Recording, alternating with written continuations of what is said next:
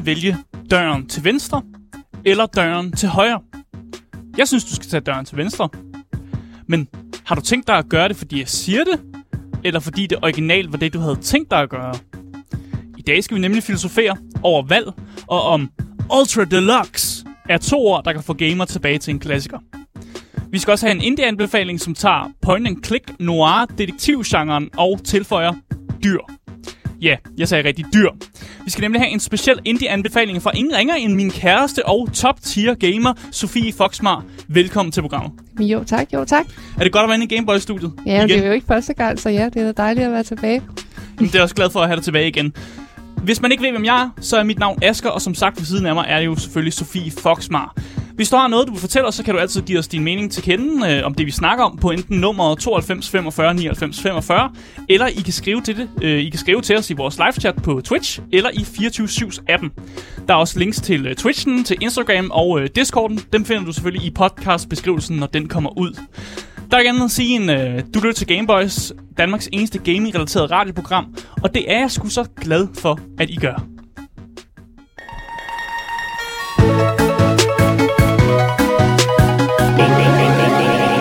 Game Boys.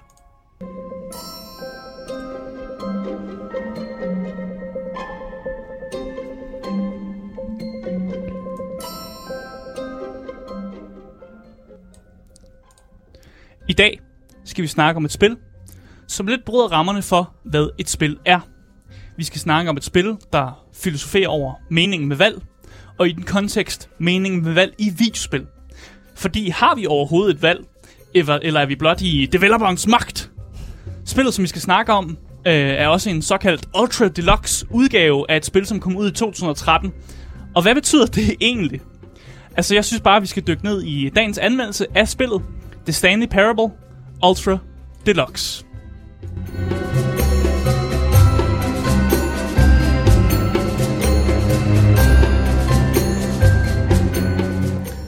Så, det er Stanley Parable Ultra Deluxe. Det er udgivet af Crows, Crows, Crows, og udviklet af Crows, Crows, Crows. Det er lidt mærkeligt develop-navn, men det er simpelthen bare tre gange krav. Ja. Tror jeg, sådan man kan beskrive det.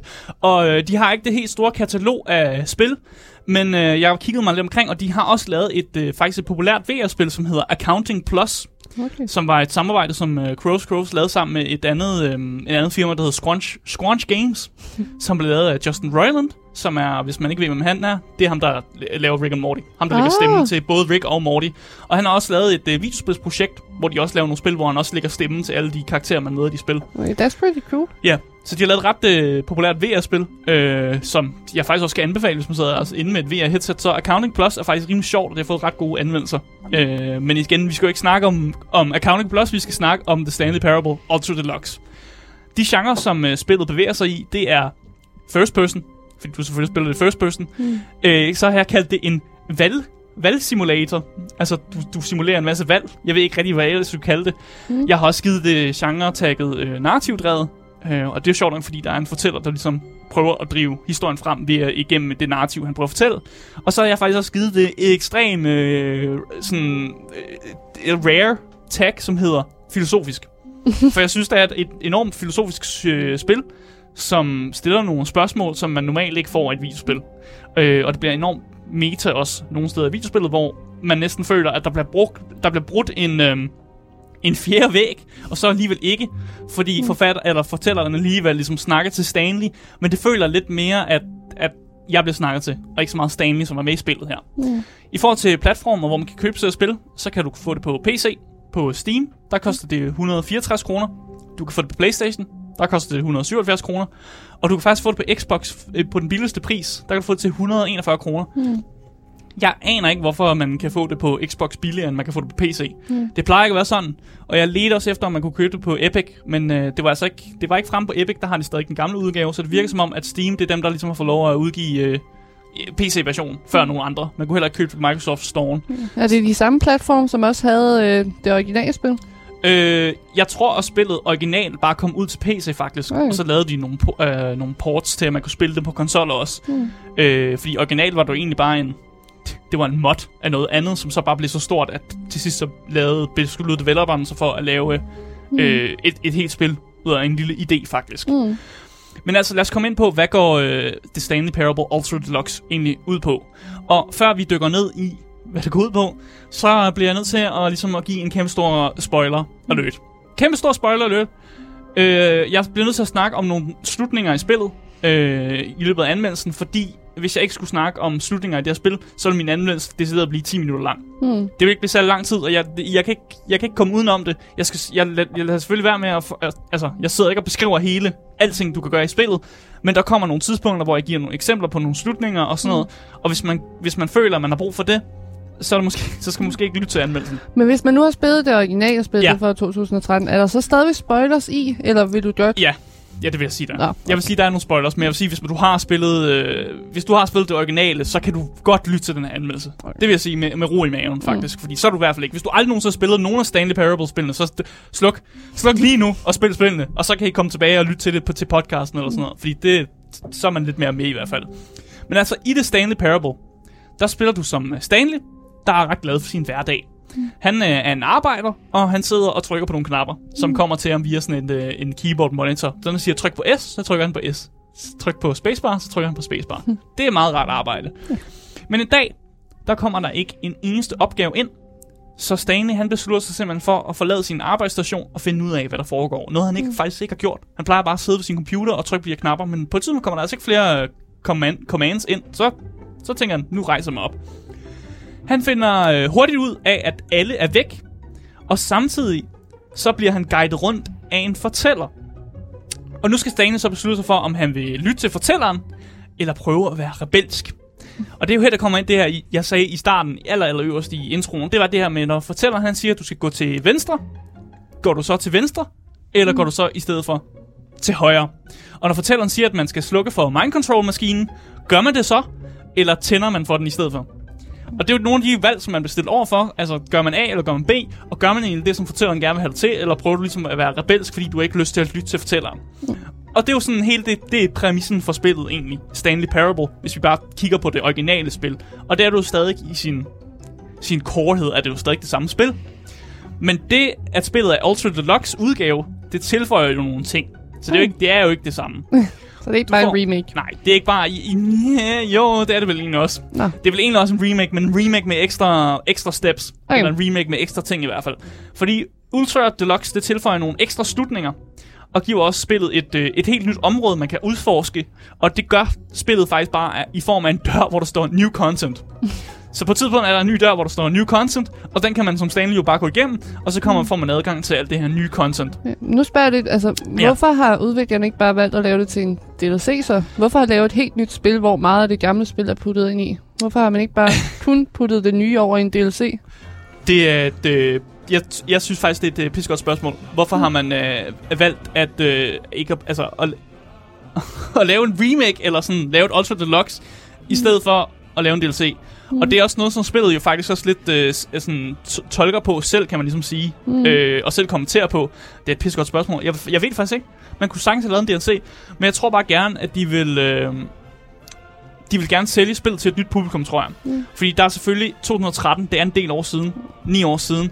Og jeg tror også gerne, de vil introducere spillet til et nyt publikum, så det giver mening, at man putter det originale spil i en pakke, men samtidig med, at man også har nogle fans, der elsker det gamle spil. Mm. Og på den måde, så siger man, okay, men det er det samme spil, men bare med nogle ekstra ting.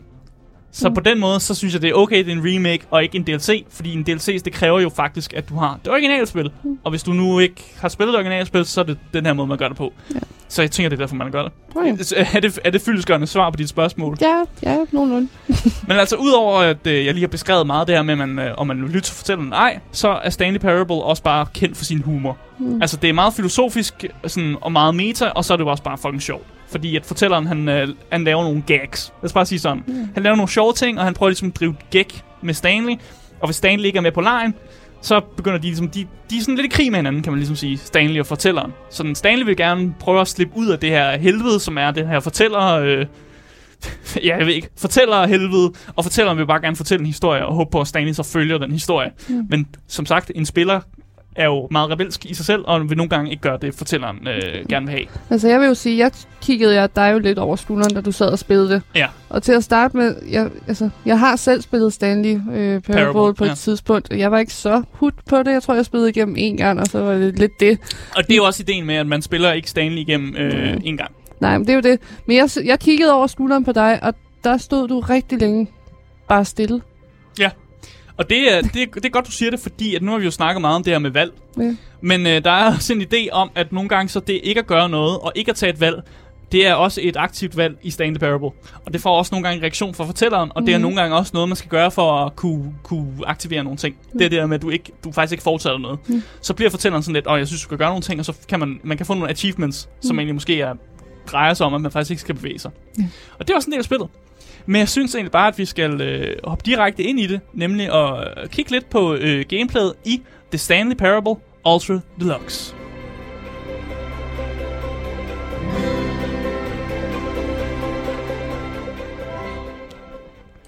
Altså, vi var jo allerede kommet lidt ind på noget, øh, noget gameplay her. Fordi Stanley, Stanley Parable er jo på sin vis en, øh, en form for walking simulator. Altså, du går en masse rundt.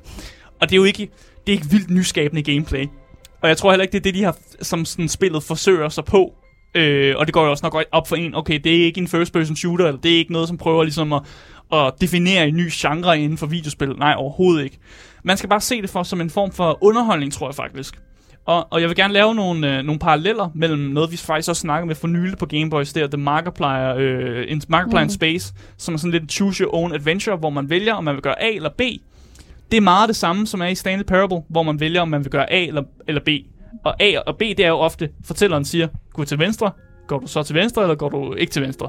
Og det er jo det der med, når man har valgt A og B, så stiller fortælleren jo så et nyt et nyt problem op, eller et nyt, et, nyt, et, et, et nyt sted, hvor man kan gå til højre eller venstre, og så kan man igen vælge, om man vil gå imod det, eller ikke mm. gå imod det. Og så vælger man jo sådan, man kan sætte det meget godt op som sådan et flowchart, at hvis man kommer ned igennem et flowchart en vej, så får man en slutning, og hvis man kommer ned igennem en anden vej, så får man en anden slutning. Mm. Og det er egentlig bare sådan, man skal se det. Man skal se det som en form for underholdning, hvor man selvfølgelig sådan vælger noget, og så siger fortæller nogle sjove ting. Mm. Og det skal man bare lade sig blive underholdt med, og ikke se det som sådan et med et vildt aktivt spil, hvor man skal, øh, man skal være klar på at skyde nogle dæmoner, fordi de dræber en, eller Mm. noget i den, den dur.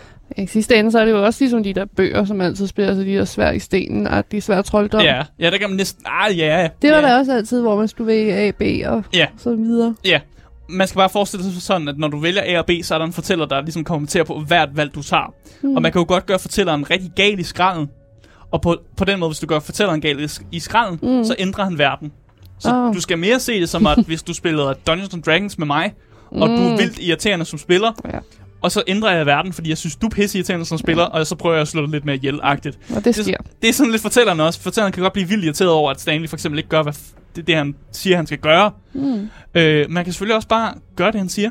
Og så kan man mærke på ham, øh, på ham voice actoren og på fortælleren, at han bliver mega tilfreds. Han er jo bare super tilfreds over, at Stanley gør det, han, det, han ligesom har planlagt. Og det er ligesom, du følger historien, Stanley. Det er Ja. fandme godt klaret.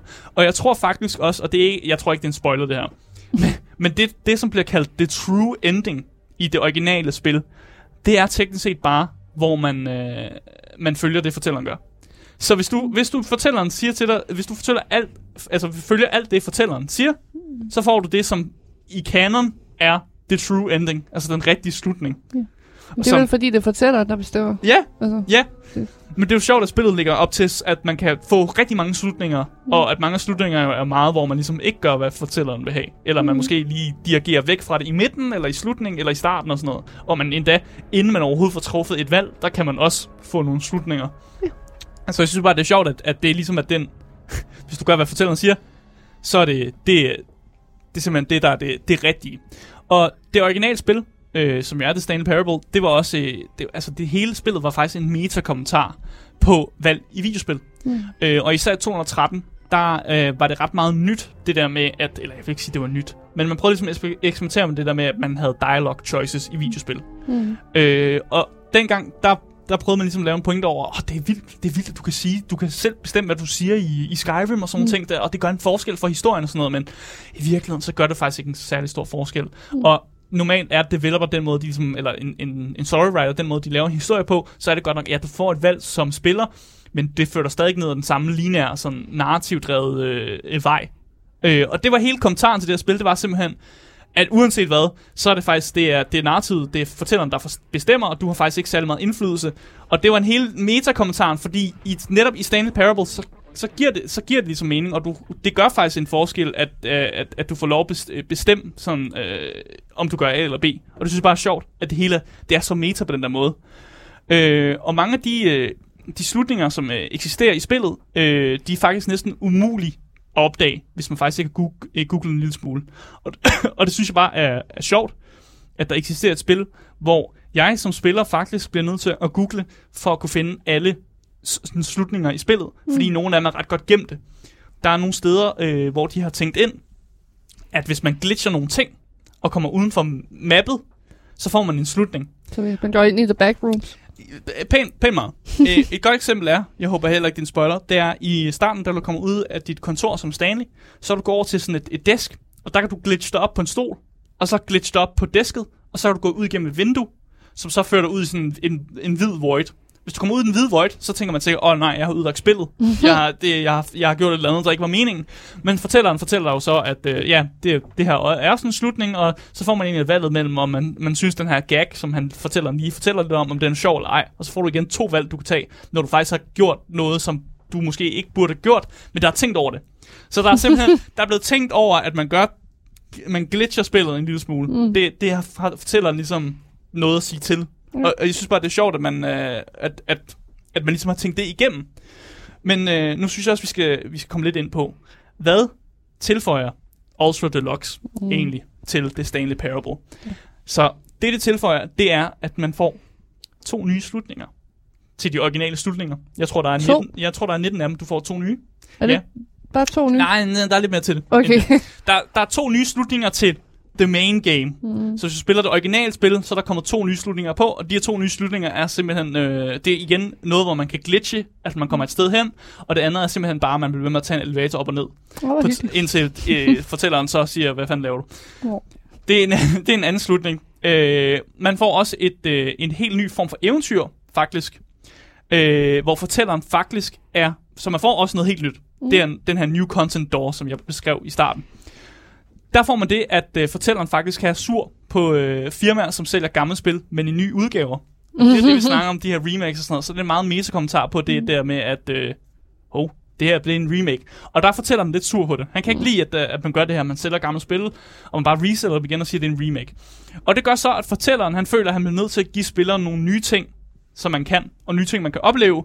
Og de her ting, det er jo noget, som øh, fortælleren altså, ligesom har tænkt over i to sekunder, og så har besluttet sig for, at, at det, det skal ind i spillet. Øh, og nogle af tingene, de er meget direkte, sådan direkte dumme, vil jeg sige. Fortælleren putter for eksempel et, øh, igen, det er spoiler lidt til det nye content i Ultra Deluxe. Hvis du ikke vil høre det, så, så lad være med at så turn, turn off her. en af de nye ting, det er, at fortælleren, han, øh, han tilfører simpelthen et bundløst hul, som ikke er bundløst. Så kan du få lov at hoppe ned i et bundløst hul. Som ikke er bundløst. Det er ikke bundløst. Men det, han siger, det er bundløst. Så du kan hoppe ned i hullet, og så øh, falder du rigtig lang tid. Nå. Og så siger fortælleren, åh, det er det bundløse hul. Øh, hvis du trykker G, så kommer du op af hullet igen, mens man falder. Og så kan man godt se, at øh, fortælleren han bliver mere desperat over at fortælle, at du skal altså trykke G nu, fordi det, altså, du, bliver kun, du bliver ved med at falde, det er jo bundløst hul. Mm. Og så på siden så rammer du faktisk jorden. Og så fortæller han sådan, okay, det var måske ikke et bundløst hul. Så, det han, så han lyver også for dig. Ja, fortælleren er ikke, kan, man, ikke, man kan ikke stole på fortælleren. Okay. Fortælleren har lavet fra starten af. Han har også, øh, fortælleren han giver også, at øh, han giver en knap, mm. som man kan trykke på, øh, og når du trykker på knappen, så siger den dit navn. Altså dit rigtige navn. Så når du spillede, sagde den så Asger til dig? Øh, ikke rigtigt. Fordi selvom det bliver reklameret, som om det siger mit rigtige navn, og der er en masse skilte og en masse pile, der siger tryk på knappen for at høre dit rigtige navn i spillet, og fortælleren holder en eller anden lang tale om, at det er jo det, vi vil som spiller. Vi vil gerne have, at spillet kan ligesom, det kan faktisk se, hvem der spiller det. Og selvom vi har et eller andet screen-navn eller sådan noget, så ved det, at det er Asger, der sidder og spiller det, og så siger spillet mit navn. Det vil jeg helst ikke have. Men når du trykker på knappen, så siger, siger spillet øh, Jim. Åh, Og det er jo fordi, han har lavet en prototype, som egentlig bare er Jim. Jim. Så fortælleren siger lige, kan du ikke lige lade som om, du hedder Jim? Og så tryk på knappen igen. Og så lade som om, at det er det vildeste i verden, at du har trykket på knappen, og du hedder faktisk Jim. Og jeg har lige sagt, dit navn er, er, er Jim. det er så- ret sødt. Ja, det er ret sødt. Åh, Øh, noget, som øh, spillet også tilføjer, det er øh, balloner. Mm. Så øh, normalt, når du går igennem de her korridorer, i det her arbejdsrum og sådan noget, øh, det er jo en arbejdsplads, Mm. mm. så tænkte fortælleren, vi kan, vi kan godt lige spice lidt op. Så han har, han har lavet nogle balloner. Som, som nu er rundt. Så når du så spiller spillet igennem igen, altså restarter, så er der bare ballonger. Altså bare som pynt, eller kan man gøre noget med dem, eller... Ja, de er bare pynt. Så, Der er balloner. Du kan ikke engang spare til dem, eller... Videre. Nej, der er bare ballonger, der hænger rundt omkring. Så det ser bare festligt ud. Ja, det ser festligt ud. Det, det, det ser festligt ud, men ja, det kan er jeg godt balloner. forstå. Man laver et helt nyt spil, bare for at få balloner med. Præcis, ja. Præcis. En anden ting, som der også er blevet tilføjet, det er en spand. Det, det, det synes du ikke var fedt? Jeg troede, du ville være helt vild over, at jeg sagde, at der var en spand med. Altså bare en spand. Nej, det er en spand, som beroliger personen, som holder den. Hvordan, Ikke A.k.a. Stanley. Fordi hvordan Stanley skal den den berolige? Jamen, du holder spanden, og så hedder det The, the Bucket of Rea- Reassurance. Så den, be, den beroliger dig. Eller den, den siger så, at det er okay. Kan man bruge spanden til noget? Du kan holde den. Er det ikke, er det, er det ikke fint at bare kunne holde en spand? Det der er helt vildt. Det er jo det, det, det, er jo det nye gameplay, vi har spurgt om. Det er en spand, man kan holde. Altså, Du er ikke tilfreds, eller hvad? jeg forstår det bare ikke helt. Altså, Hvad mener du? Det er en spand. men hvad, hvad bruger man en spand til? Altså, han går bare rundt med en spand. Ja, og den, den er så god for Stanley. Fordi så beskriver og fortæller om, hvordan at Stanley han bliver beroliget af den, og hvordan den hjælper ham. Og Stanley kan også lige finde på at snakke lidt til spanden. Så det er sådan en meditationsspand. Ja, det kan man godt sige. Den, trans, den transcender ligesom Stanley, når han har den i hånden. Ja, Jamen, så er det vel meget godt. Ja, se, det var det. Ja, godt, det var godt, du kunne se det. Så bliver der selvfølgelig også øh, i The Stanley Parable Ultra Deluxe dykket ned i øh, nostalgien fra det originale spil, hvor øh, fortælleren faktisk øh, læser nogle positive anmeldelser op. Fordi mm. det skal man jo lige, man skal lige vide, hvor godt det første spil var. Og sådan nogle gode sådan, åh, 9 ud af 10 anmeldelser, 10 ud af 10 for sådan... Øh, Men det fik jo også ret mange critics. gode anmeldelser, ikke? Altså, jo, det fik vildt gode anmeldelser, Ja. ja. det fik også rigtig mange gode anmeldelser af critics og sådan noget mm. med. Men han læser sgu også nogle af de negative op. Og det gør ham jo ikke just glad. Og han bliver rigtig sur på øh, en anmelder, der hedder Cookie 9. Som bare, det er bare en random Steam-anmelder, som Ja. bliver rigtig sur på. Og det, så laver han nogle store enetaler, hvor han egentlig snakker om, hvor sur han er på Cookie 9, for at lave sådan nogle lorteanmeldelser og sådan noget der. Øh, og fortælleren beslutter sig faktisk også bare for at lave, altså det vi egentlig kom for. Altså det vi egentlig købte Ultra Deluxe for, det var jo fordi vi troede, at det ville være Stanley Parable 2. For det er jo det, folk gerne vil have. De vil gerne have en toer mm. til det originale spil, fordi det var så godt. Så fortæller han beslutter sig for, okay, det, øh, jeg kan godt se, at det er det her, I vil have, så nu laver jeg det bare om til The Stanley Parable 2. Og når, når han så gør det, så bliver menuen, du sidder i, den bliver fintunet. Mm. Så lige pludselig står der bare The Stanley Parable 2, og det hele ser meget mere moderne ud i menuen og sådan noget med, og du kan nu faktisk bare gå igennem det originale spil igen. Der er cirka 19 øh, øh, slutninger, man kan ende med i det originale spil. Mm. Men nu kan du spille alle de her slutninger med en spand i hånden.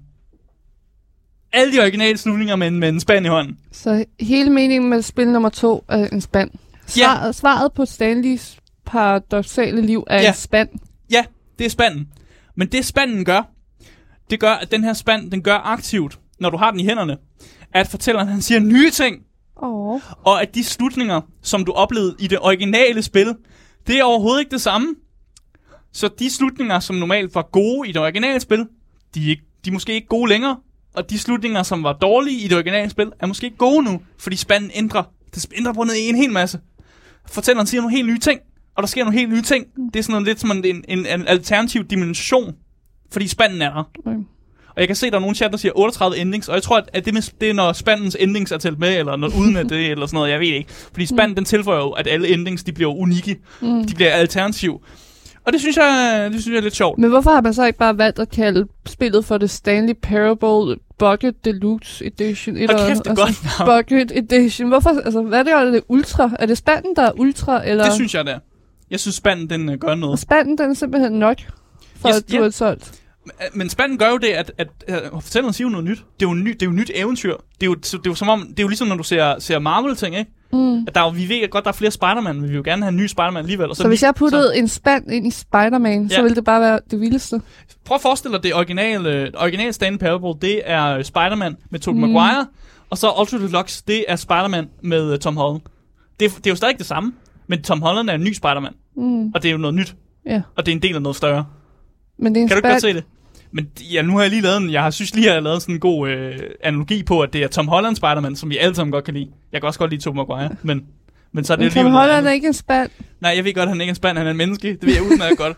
Men jeg, jeg vil gerne give et eksempel på, hvordan det her, øh, den her spand lidt ændrer nogle slutninger. Så nu Mm. kommer jeg igen til at spoil det lidt. Der er øh, en slutning i spillet, der hedder Freedom Ending. Og det er den, som de fleste siger, det er den true ending til spillet. Det er der, hvor du bare følger fortælleren. Mm. Så du gør alt, hvad fortælleren siger, og så til sidst, der ender du ud i, i det originale spil, med at få din freedom. Altså, du kommer ud i, udenfor. Der åbner sig en stor dør, og det er, det, alting er fedt. Mm. Det er, you, you are out. Du Ja. kommer ud af det her institut, eller det her arbejdsplads, eller hvor du nu end er. Alting var mega fedt. Men, hvis du har spanden i hånden, mm. så åbner den her port, men så lukker den igen. Fordi det er ikke meningen, at spanden skal tages ud. Du må ikke få spanden med, men du kan jo ikke give slip på spanden. Du, skal have, spa- du vil gerne have spanden med ud, så porten lukker, og du ender faktisk, i stedet for med at slippe ud, så ender du med at være fanget i, sådan, i, i The Void, eller sådan, i, i totalt øh, sort med spanden i hånden.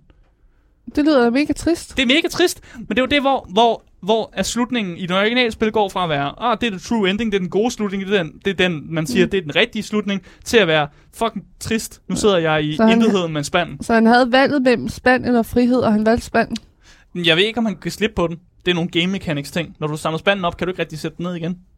Så, Så han er fanget det med lyder som en ile der bare hænger Ej, det fast ikke. på dig. Du vælger jo selv at tage spanden op, jo. Jeg stoler er, ikke ikke på den spand. du er ikke tvunget til at samle spanden Jeg op. stoler ikke på den spand. Altså, jeg, jeg synes, det er fint at tilføje en spand. Men altså, jeg vil også gerne lige, øh, lige komme frem til, hvad synes jeg egentlig selv om det her spil? For jeg tror, nu har jeg beskrevet mm. meget af det, man får med det nye, og meget af det gamle, der er, og meget af det her med filosofiske med at træffe valg, og der findes ikke valg, og alt det her. Mm. Men øh, spillet tilbage i, i 213, det synes jeg jo faktisk også var fantastisk. Mm. Øh, men det er jo fantastisk på grund af den tid, det blev lavet i. Ja. Jeg har jo prøvet at sige det her med, at det var en tid, hvor det her med at træffe valg i videospil, det var ikke relativt nyt. Men det var noget, man, det blev mere og mere, øh, folk prøver at sælge sig mere på det. Altså, øh, hver gang man så reklamer for videospil dengang, så var det sådan, åh, du får lov at træffe dine egen valg, og du er spilleren, og du har 100% kontrol over det, du laver, og, og alting bliver affektet af, af det, du gør. Mm. Øh, og derfor synes jeg, det var fedt, på grund af den tid, det var i. Ja.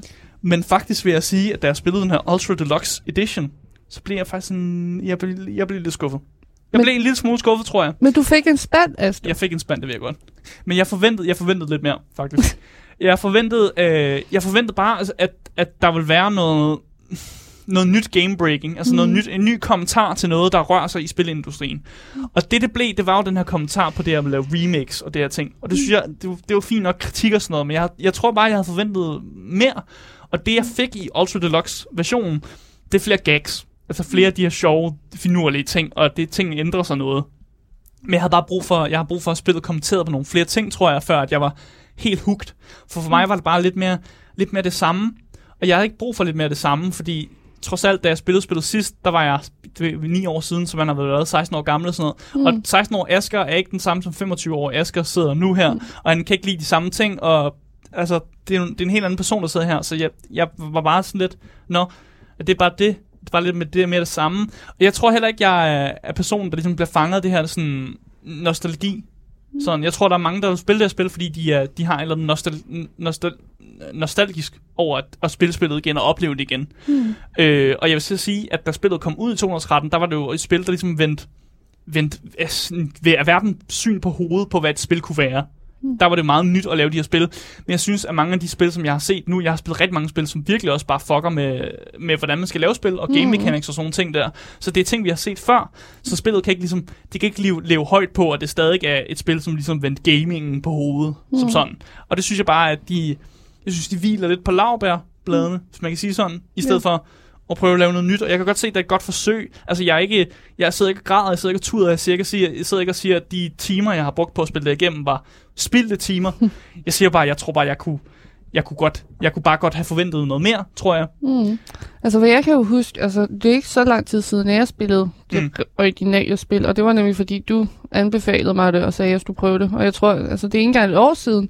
Mm. Og jeg kan også huske, at jeg sad med den der følelse af, at okay, det meget sjovt, det er en meget fin lille gimmick, men jeg havde heller ikke en følelse af, at jeg sidder med Mm. noget, jeg aldrig nogensinde har set før, og jeg, altså, jeg har også prøvet spil, som er lidt meta og alt sådan noget, så det, for mig var det måske bare ikke det store, og det har det måske været det for Ja. ja. dem, der har spillet det dengang. Det var det store, altså. Nu kom, altså, øh, ja, der er, det, der er også hele den der ting med, at man skal nok have været en del af det der marketing fra den gang. Og jeg ved ikke, hvor Mm. meget, hvor meget gaming marketing du blev reklameret for dengang i 2012-13-agtigt. Ikke super meget. Og der var det, der var det netop den her, man blev solgt den her idé om, at Mm. alle ens valg gav mening og sådan noget. Og så kom det her jo ligesom, det er sådan en, en modpol til meget af det, som var i gang med at ske i gamingindustrien. Og det er mm. derfor, det var så fedt, og det blev hyldet på den måde, fordi det var sådan lidt en, det var en, lidt en fuckfinger til alt det, der fungerede.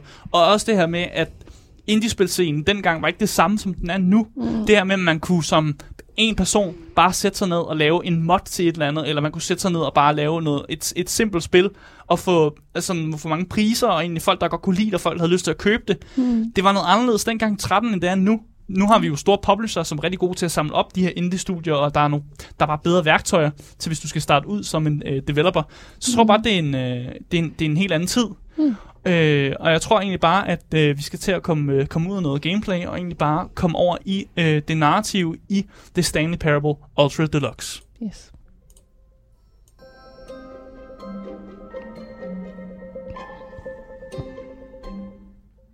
Ja, for lad os snakke lidt om øh, narrativet i The Stanley Parable Ultra Deluxe. Fordi narrativet er jo i fokus i det her spil, men det er jo også et spil, som selv med dens mange slutninger ikke, faktisk ikke rigtig har en klar historie. Mm. Altså, der er ikke rigtig et mål med spillet, føler jeg i hvert fald. Og, og narrativet er jo bare, altså, du lytter til fortæl, altså enten så lytter du til fortælleren, eller så gør du det ikke. Og så former historien sig efter det. Det er, det er en narrativ spillet. Mm. Og det er derfor, at på en eller anden måde, så vil jeg beskrive narrativet i The Stanley Parable som en eller anden form for non-narrativ.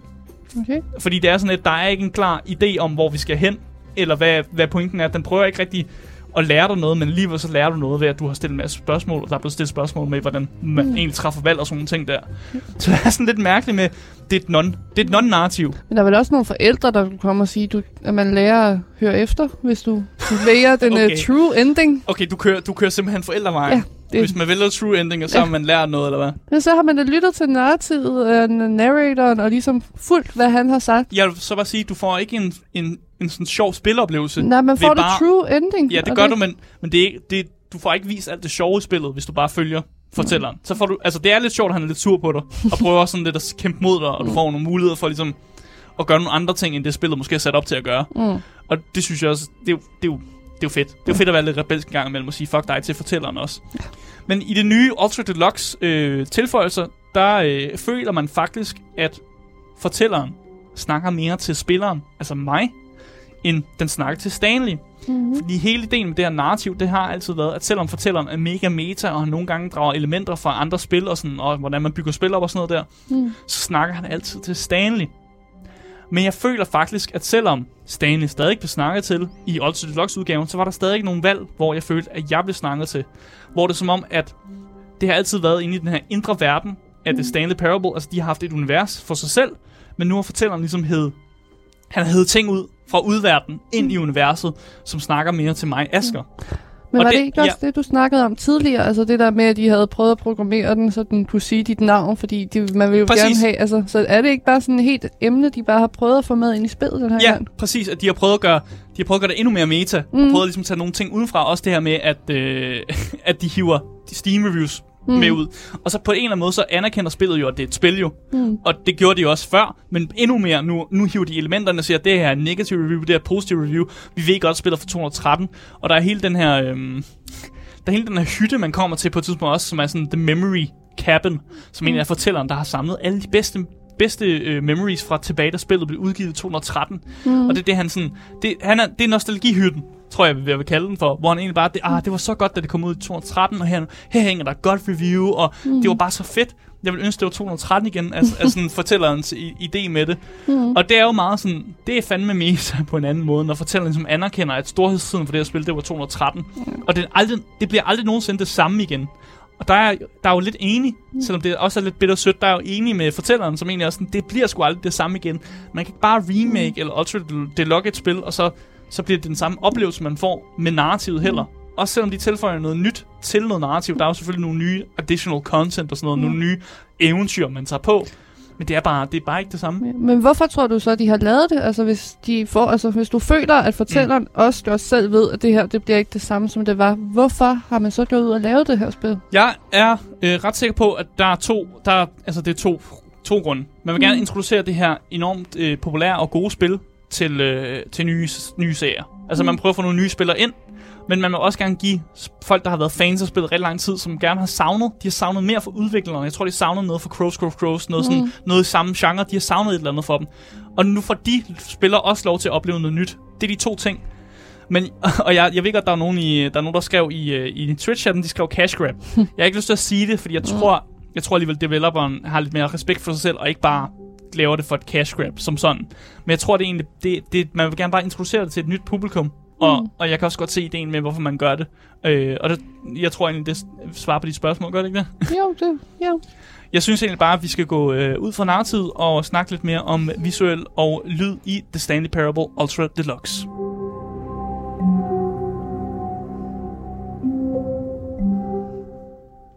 Ja, for vi skal snakke lidt om visuel og lyden. Øh, musikken, den er ret bland. Vi har lyttet til lidt musikken, øh, men den, den lægger du ikke så meget så mærke til. Du lægger dog mærke til den, når den er væk. Mm. Så lige pludselig, når der er fucking musestille, og man ikke kan høre noget, så lægger du mærke til det. Og det er jo det, er jo det smukke ved stillheden. Mm. At, at når, når musikken så ikke er der, så lægger vi mærke til den. Og det synes jeg er ret godt brug af lydbilledet. At man kan lave sådan en lidt en bland musik, som er sådan lidt, når det er lige meget elevatormusik. Mm. Men når elevatormusikken den ligesom stopper, så er man, så er man virkelig sådan, okay, hvad sker der her?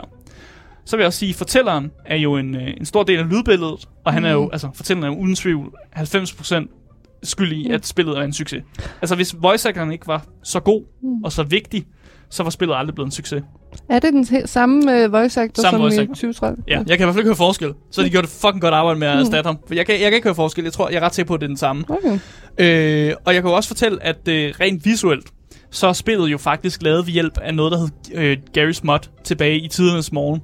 Mm. Øh, og her i 2022, så de, de ting, man ligesom brugte til at programmere dengang med, som er den her lidt Half-Life Engine-agtige ting, man brugte til at develop med, det ser en smule upoleret ud mm. i 2022. Og det, de har prøvet at fikse det en lille smule, men men det, det, det, det er stadig upoleret. Altså, selve kernen af spillet er meget, ser ikke super godt ud visuelt. De nye tilføjelser gør dog, at, øh, at man skjuler det lidt. Man har, man har ligesom kunne finde ud af, hvordan man kan, kan lave nogle nye assets, og hvordan man kan ligesom gøre det, så, så det føles lidt mere nyt i det. Ja. Og det synes jeg er en, en fin måde at gøre det på, så man skjuler, man skjuler lidt det gamle upolerede med noget nyt mm. og noget fedt, som altså, ser lidt bedre ud. spanden, er den HD, ja. eller Spanden er ikke så godt. Den ser lidt upoleret ud. var det ikke den, der var ny? Jo, jo.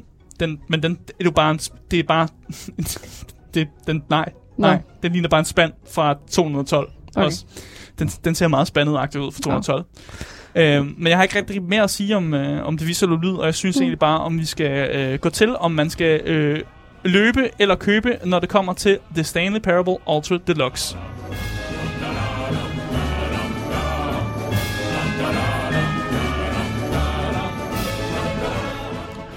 Så, skal man løbe eller købe, når det kommer til The Stanley Parable Ultra Deluxe? Det er ikke et særligt langt spil. Det har cirka 5 timers gameplay. Øh, men det er jo en unik oplevelse, som ligesom er svær at finde andre steder. Hvis man øh, virkelig elskede det originale spil, så er jeg sikker på, at man også kommer til at elske den her øh, Ultra Deluxe version, fordi man kan glæde sig over nostalgien og samtidig få en, øh, en ny oplevelse. Hvis man ligesom mig dog havde lidt flere forventninger, og håbede, at udvikleren ikke vil hvile på laurbærbladene, og samtidig ikke, øh, at man ikke grebet den her nostalgieffekt, så vil jeg faktisk anbefale at, øh, at vente med at købe, til der kommer et godt øh, tilbud. Min anbefaling er derfor, køb, hvis du aldrig har spillet spillet, eller elsket det originale, øh, men øh, vent, øh, vent til et godt tilbud, øh, hvis du ikke er blevet bidt af det her nostalgi-insekt. Øh, og det er egentlig min øh, anmeldelse af The Stanley Parable Ultra Deluxe.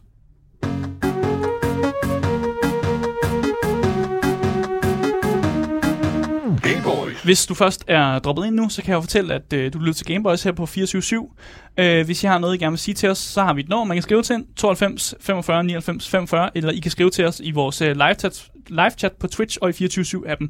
Jeg ved godt, vi ikke er så gode til at kigge på øh, chatten lige nu, øh, men øh, vi kommer til det. Det skal vi nok gøre.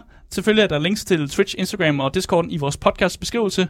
Øh, mit navn det er Asker, og jeg har ved siden efter af mig haft øh, Sofie Foxmar. Og øh, nu skal vi altså over til en lille indie-anbefaling.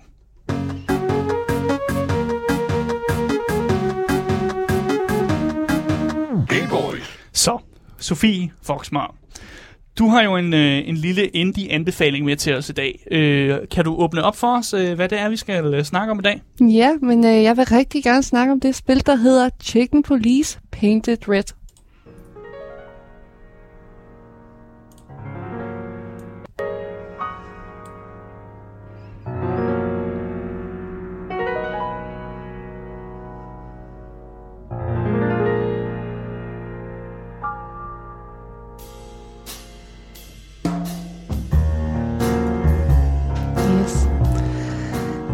Spillet her, det er udviklet af The Wild Gentleman, som er et meget lille indie-studie. Øhm, de har kun 10 medarbejdere, så mm.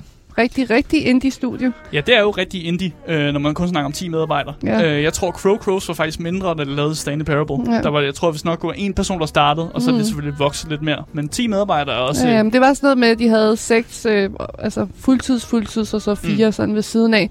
Og de er simpelthen bosat i øh, Ungarn. Så øh, Ungarsk spil. yes, Det er, ikke, øh, det er ikke så tit, at... Øh, der, i, i, det er i hvert fald ikke tit, jeg spiller spil fra Ungarn. Nej. Øhm, men jeg kan jo så fortælle, at Chicken Police, det er deres første og indtil videre eneste spil, de har fået lov til at lave, eller Mm. har lavet.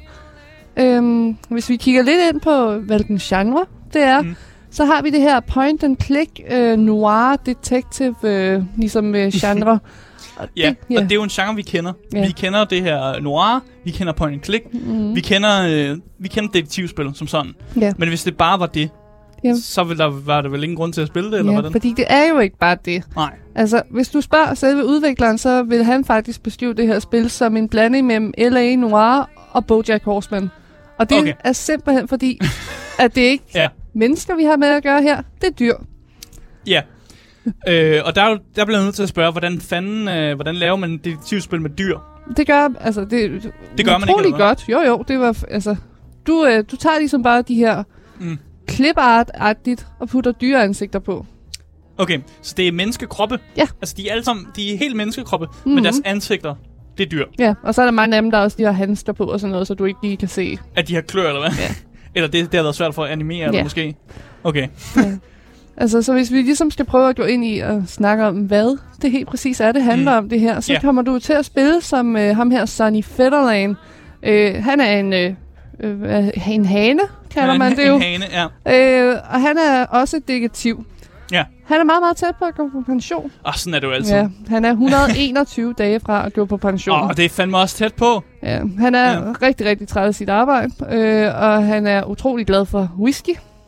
Ja. Så øh, Klassisk detektiv også. utrolig. Kigger han også meget ud af vinduet i sort og hvid? Ja, og snakker rigtig meget med sig Indre monologer. Ja, indre monologer. Jamen, så har vi jo en klassisk detektivroman her. Ja, ja, altså han er førhen øh, i sine unge dage, der var han øh, øh, en del af den her gruppe, der hedder Chicken Police, øh, hvor han... Chicken Police. Chicken Police. Ja, er det simpelthen fordi politiet er fyldt med høns, eller hvad? Nej, det er faktisk kun ham og så hans partner, øh, Marty. Øh, der er faktisk rigtig mange hunde på Nå. politistationen. Øh, Er det diskriminerende, at der er så mange hunde? det ved jeg, jeg synes... Fordi man forbinder vel politihunden altså med politi, Ja, altså. altså jeg havde set Ja. ja. den lidt komme. Altså, det er en blodhund, der Mm. mm. arbejder som chef. Så. Det er sjovt.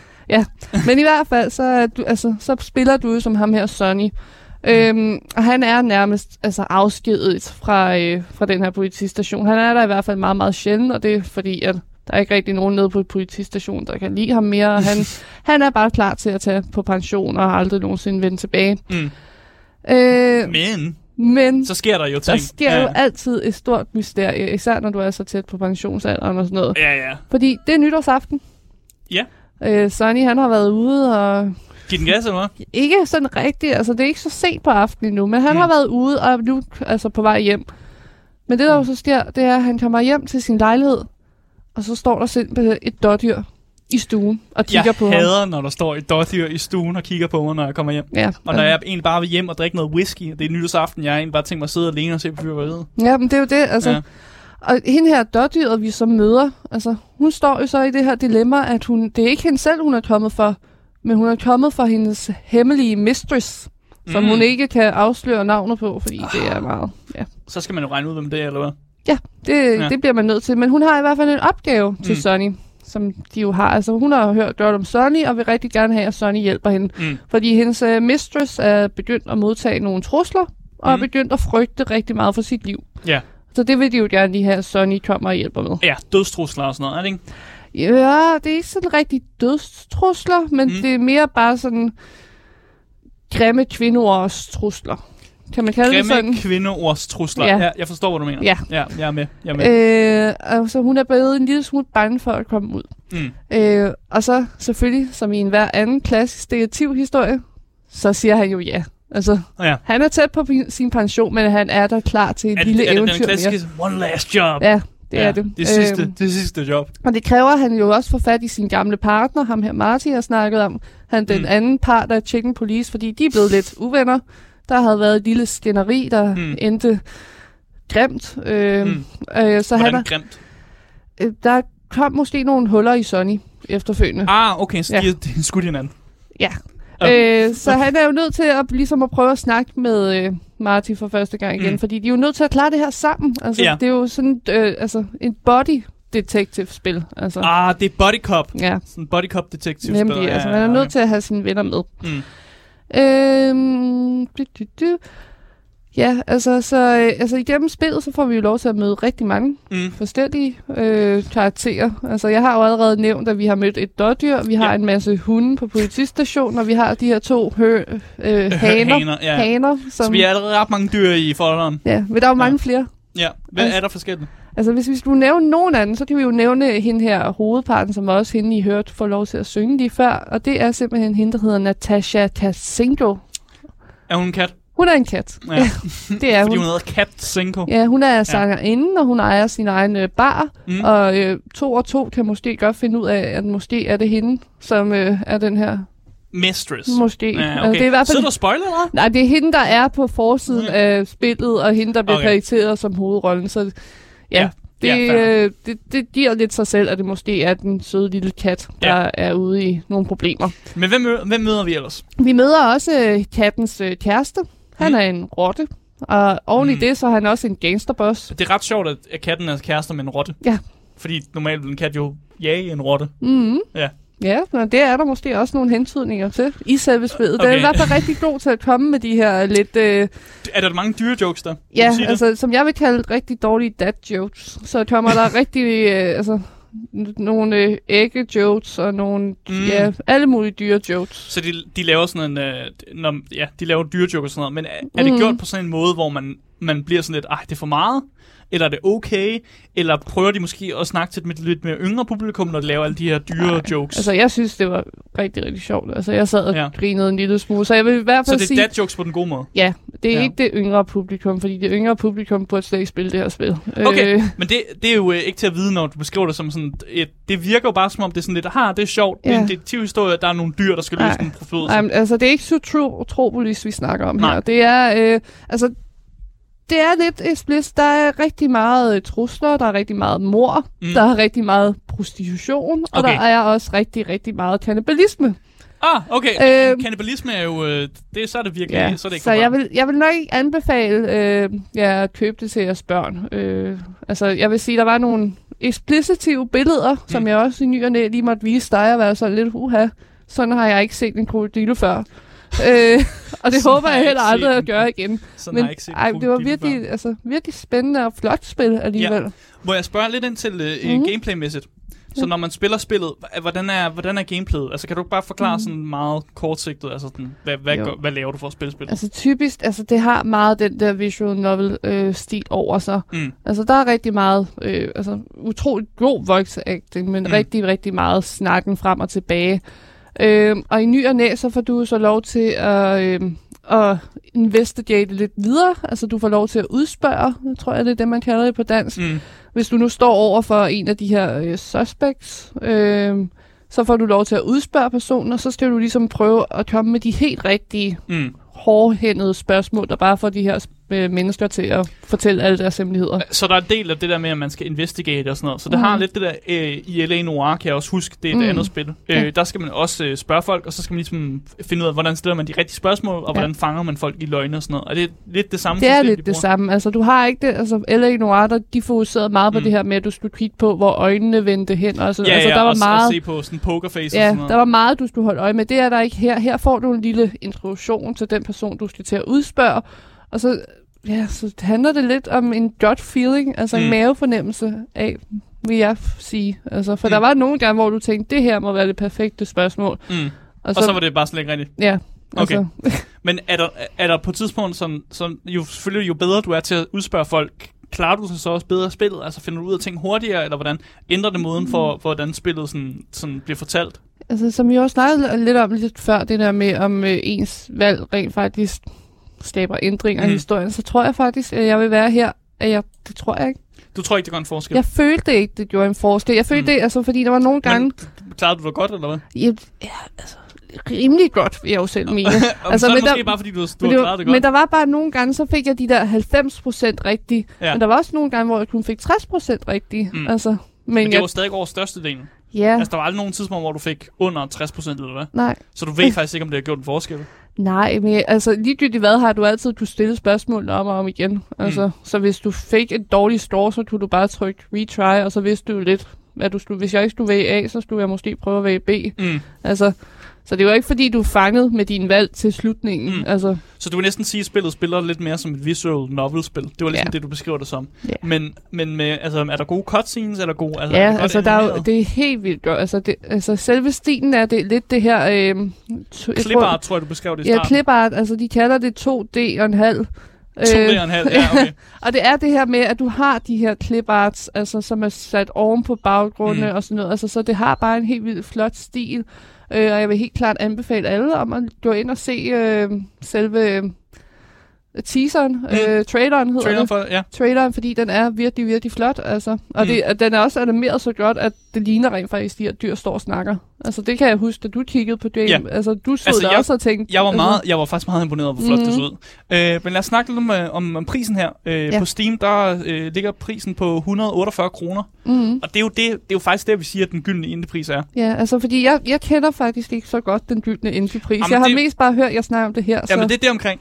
Okay. Så, så jeg vil sige, at så vil jeg bare spørge om til den, den gyldne indiepris, som mm. det er, det er meget standard det her. Vil du så sige, at uh, Chicken Police Paint Red, at det er pengene værd? Jeg synes helt klart, det var pengene værd. Og jeg kan jo også hurtigt lave sådan en servicemeddelelse, som jeg ved, I er rigtig glade for. Jeg elsker servicemeddelelser. Jamen, det er jo det. Altså, fordi hvis du nu har det her Microsoft Game Pass, så mm. ligger det Twitter-frit der. Altså, det er gratis. Okay, men uh, hvor spiller du det henne? Jeg spillede det på... Øh, nu skal jeg, jeg spillede det på Playstation. Ja. Kan du anbefale, at man spiller det måske med en controller i stedet for, at man spiller en mus keyboard, eller gør det overhovedet en forskel på dig, hvor du spiller det henne? Altså, der var en meget, meget lille smule, hvor du skulle øh, skyde. Altså, okay, så men, der er faktisk noget, der er noget men, shooting eller men noget? det var meget, meget lidt. Altså, okay. Så selvom det er lidt wonky at finde rundt med den der, for der var ikke noget som mm. helst her, der hed auto-assist eller noget som helst. Så det var lidt wonky, men mm. det var så minimalt, at det ikke gjorde en forskel. Så jeg vil faktisk sige, altså, det tror, for mig vil det ikke gøre en forskel at spille det på mus keyboard eller... Mm. Altså, hvilken type spiller skal du være for at kunne, kunne, kunne lide Chicken Police Painted Red? Mm. Altså, du skal helt klart være en type spiller, der er rigtig glad for en rigtig god fortælling. Øh, mm. Også der er en, som også godt kan lide, at der er lidt humor involveret. Mm. Øh, altså, så jeg tror, at hele det her spil, det handler om, at du kan lide en rig fortælling, som de jo kalder det. en rig detektivfortælling med fortælling. Dyr. Altså, det, så hvis du sådan en spiller, der synes sådan noget er fedt, altså, mm. og hvis du måske også har spillet L.A. Noir, ja. så tror jeg helt sikkert, at det her er noget for dig. Ja, men uh, tak for den gode indie-anbefaling i dag på Chicken Police Painted Red. Tak fordi lidt. du ville fortælle den, Sofie. Jo, tak.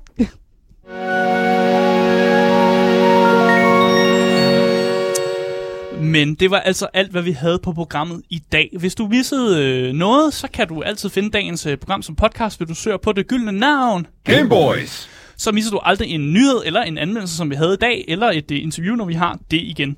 Du kan altid uh, give os din mening. Det kan du på nummer 92 45 99 45, eller du kan også komme ind og skrive det direkte ned i vores uh, Twitch-chat, eller i 24-7-appen. Links til vores Twitch, Instagram og Discord, dem finder du selvfølgelig i podcastbeskrivelsen. Mit navn det er Asker, og med mig i studiet har haft Sofie Foxmar. Hej hej. vi siger hej hej, og vi ses i morgen. Hej hej. Hej hej.